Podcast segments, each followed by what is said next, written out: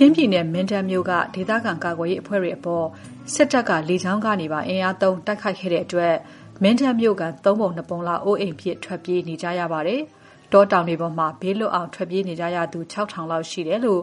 မေလ ၁၅ ရက်နေ့ထဲက မင်းတပ်မြို့ကနေ ထွက်လာခဲ့တဲ့ မြို့ခံကျောင်းဆရာတယောက်က ပြောပါတယ်။ကလေးငယ်တွေ၊သက်ကြီးရွယ်အိုတွေ၊အမျိုးသမီးတွေအပါအဝင် ဘေးလွတ်အောင် ပုန်းရှောင်နေကြရသူတွေ ဘယ်လောက် ခက်ခဲဆင်းရဲနေသလဲဆိုတာ သူက ခုလိုပြောပြပါတယ်။“ကျနော်တို့ရဲ့ မြို့အနီးနားမှာတိုက်ပွဲအပြင်းအထန်လာတယ်။လေယာဉ်တွေကိုသုံးပြီးတော့မြို့ပေါ်တွေကိုလေယာဉ်နဲ့ပစ်ခတ်ပြီးတော့အမြောက်တွေသုံးပြီးတော့မြို့ထဲတွေကိုလျှောက်ပစ်ရမ်းသမ်းပစ်တဲ့အခါမှာကျနော်တို့အသက်အန္တရာယ်ကိုစိုးရိမ်ပြီးတော့ကျနော်တို့ထွက်ပြေးရတယ်။သက်ကြီးရွယ်အိုတွေ၊ကလေးတွေ၊ကိုယ်ဝန်ဆောင်မိခင်တွေအကုန်လုံးပဲပြီးရင်ဒုက္ခိတတွေပေါ့နော်။အကုန်လုံးပါပါကျနော်တို့အသက်အန္တရာယ်ကိုစိုးရိမ်ရပြီးတော့တောကြိုတောင်ကြားထဲတွေရွှံ့ပြောင်းထဲတွေကိုကျနော်တို့အသက်လုပြီးတော့ပြေးနေရပါတယ်။ ကျနော်တို့လည်း အခုတောတောင်တွေထဲမှာပဲ နေရတော့တယ်။ကျနော်တို့ အခုထွက်ပြေးနေတဲ့နေရာကျတော့မြို့နဲ့တော့ နီးတယ်။သို့သော်လည်းပဲ ကျနော်တို့နေရာကကျေးရွာ တခြားသောကျေးရွာတွေနဲ့ အလှမ်းဝေးတဲ့အခါကျတော့အင်မတန်မှတော့အခက်အခဲတွေတော့ ရှိပါတယ်။ လောလောဆယ်ပေါ့အစားအသောက်တွေလည်းတောထဲဆိုတော့နေရာထိုင်ခင်းလည်းမရှိတဲ့အခါကျတော့ဖြစ်သလိုပဲနေရာထိုင်ခင်းတွေအခက်အခဲတွေတော့ရှိပါတယ်။”ဆရာစောစောကပြောသွားတဲ့အထဲမှာအမျိုးသမီးတွေ၊ကလေးငယ်တွေ၊နောက်သက်ကြီးရွယ်အိုတွေ၊ဒုက္ခိတတွေပါတယ်ဆိုတော့သူတို့ကိုရောဘယ်လိုမျိုးဆရာတို့ပြေးတဲ့အခါမှာအန္တရာယ်ကြားကနေဘယ်လိုမျိုးသူတို့ကိုဘေးလွတ်အောင်လို့ရောခေါ်ရလဲ။အဲ့ဒီအခြေအနေလည်းသိပါရစေ။“ကျနော်တို့ကတော့ကိုယ်ဝန်ဆောင်တွေကိုကျတော့ ချီဖို့သယ်ဖို့တော့မဖြစ်နိုင်တဲ့အခါကျတော့သူတို့အတတ်နိုင်ဆုံးဖြည်းဖြည်းလေးလျှောက်နိုင်အောင်သူတို့ကိုတွဲပြီးတော့ချီပေးရတယ်။ဒုက္ခိတတွေကျတော့သက်ကြီးရွယ်အိုတွေကျတော့သူတို့ကိုကြွားပို့ပြီးတော့ထွက်ပြေးကြရပါတယ်။”ဆရာတို့အခုထွက်ပြေးနေတယ်ဆိုတော့စုစုပေါင်းပေါ့နော်အဲ့လိုထွက်ပြေးနေရတဲ့မင်းတပ်ကဆရာအပါအဝင်မြို့ကလူတွေဘယ်နှစ်ယောက်လောက်ရှိတယ်လို့ရောပြောလို့ရနိုင်မလဲဆရာ။“လောလောဆယ်အခြေအနေမျိုးမှာကျနော်တို့မင်းတပ်ရဲ့လူဦးရေ ၃ပုံပုံမှာ၂ပုံလောက်ကတော့ခန့်မှန်းခြေပေါ့လူဦးရေ၆ထောင်လောက်ကတော့ထွက်ပြေးနေကြတယ်။မြို့ပေါ်မှာကျတော့လူအနည်းငယ်လောက်ပဲကျန်ပါတယ်။ကျနော်တို့သိရသလောက်ကတော့ကျန်ခဲ့တဲ့လူတွေလည်းပဲအသက်အန္တရာယ်လုံခြုံမှုလုံခြုံစိတ်ချမှုမရှိတဲ့အခါကျတော့သူတို့လည်းထွက်ပြေးမယ့်အနေအထားမှာရှိပါတယ်။တချို့လူတွေပြောတာတော့သူတို့လည်းထွက်ပြေးချင်တယ်။ဒါပေမယ့်ပိတ်မိနေတဲ့အခါကျတော့ဘယ်ပြေးလို့ ရမှန်းမသိသူတို့အိမ်ထဲမှာပိတ်မိနေတယ်။မြို့ထဲမှာပိတ်မိနေတဲ့အခြေအနေတွေရှိပါတယ်။ကျနော်တို့နဲ့အဆက်အသွယ်ရတယ်။ကျနော်တို့ရဲ့ဆွေမျိုးသားချင်းတွေကတော့အဲ့လိုပြောကြပါတယ်။ကျနော်တို့လည်းပြေးချင်ပါတယ်။သို့သော်လည်းပဲစစ်ကောင်စီကနေစိုးရိမ်လို့လျှောက်ပစ်တဲ့အခါကျတော့အပြင်မထွက်ရဲဘဲနဲ့အိမ်ထဲမှာအောင်းနေရတဲ့အခြေအနေမျိုးမှာရှိနေပါတယ်သူတို့မှာလည်း။”အခုဘေးလွတ်ရာခိုလှုံနေတဲ့နေရာပေါ့နော်။အဲ့ဒီနေရာမှာရောဆရာတို့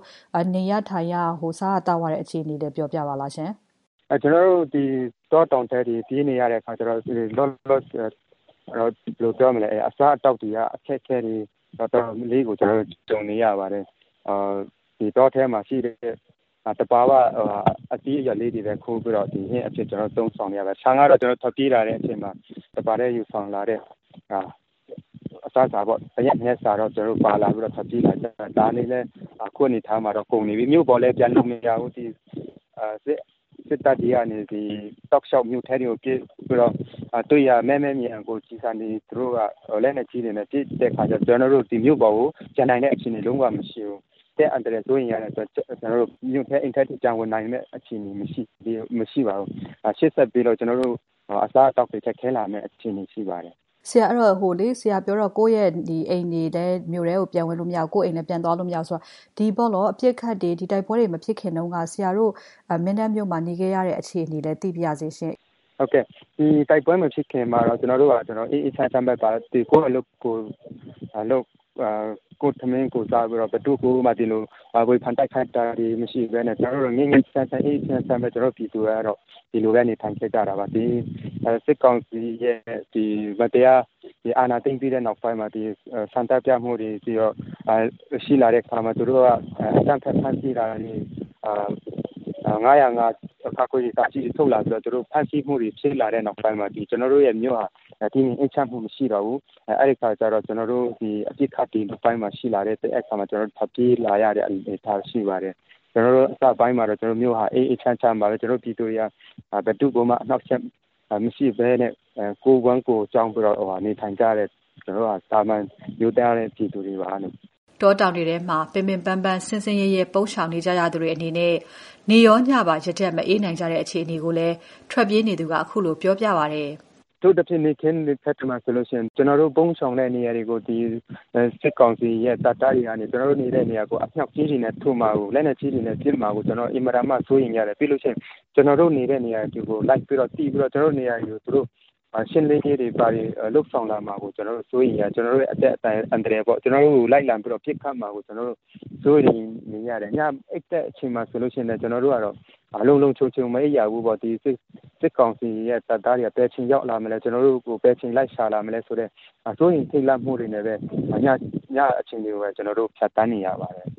စစ်တပ်နဲ့မင်းတပ်ဒေသခံကာကွယ်ရေးအဖွဲ့တွေကြားအပြန်အလှန်ပစ်ခတ်တိုက်ပွဲတွေကြောင့်ထွက်ပြေးနေကြရတဲ့ကလေးငယ်တွေဟာလည်းကလေးသဘာဝဆော်ကစားခြင်းလို့အိမ်ပြန်ဖို့ပူဇာနေကြပါတယ်။ ကလေးတွေကတော့တော်တော်ဟိုပင်ပန်းနေကြရပါတယ်သူတို့တော့တဲ့တောင်ဆဲတွေမှာဒီမိုးတန်လေးတန်နေကြတဲ့မှာသူတို့လည်းအင်မတန်မှကြေကွဲဖွယ်ရသူတို့ရဲ့အခြေအနေလည်းတွေ့မြင်နေရပါသူတို့ကလည်းအိမ်ပြန်ချင်တာပေါ့သူတို့မှအိမ်မှာရှိခဲ့တဲ့ကစားစရာတွေသူတို့တန်းတာကြတယ်အဲ့ဒါတွေနဲ့ဆော့ချင်ကြတယ်ပြန်ချင်ကြတယ်ဆိုပြီးတော့ကလေးတွေကတော့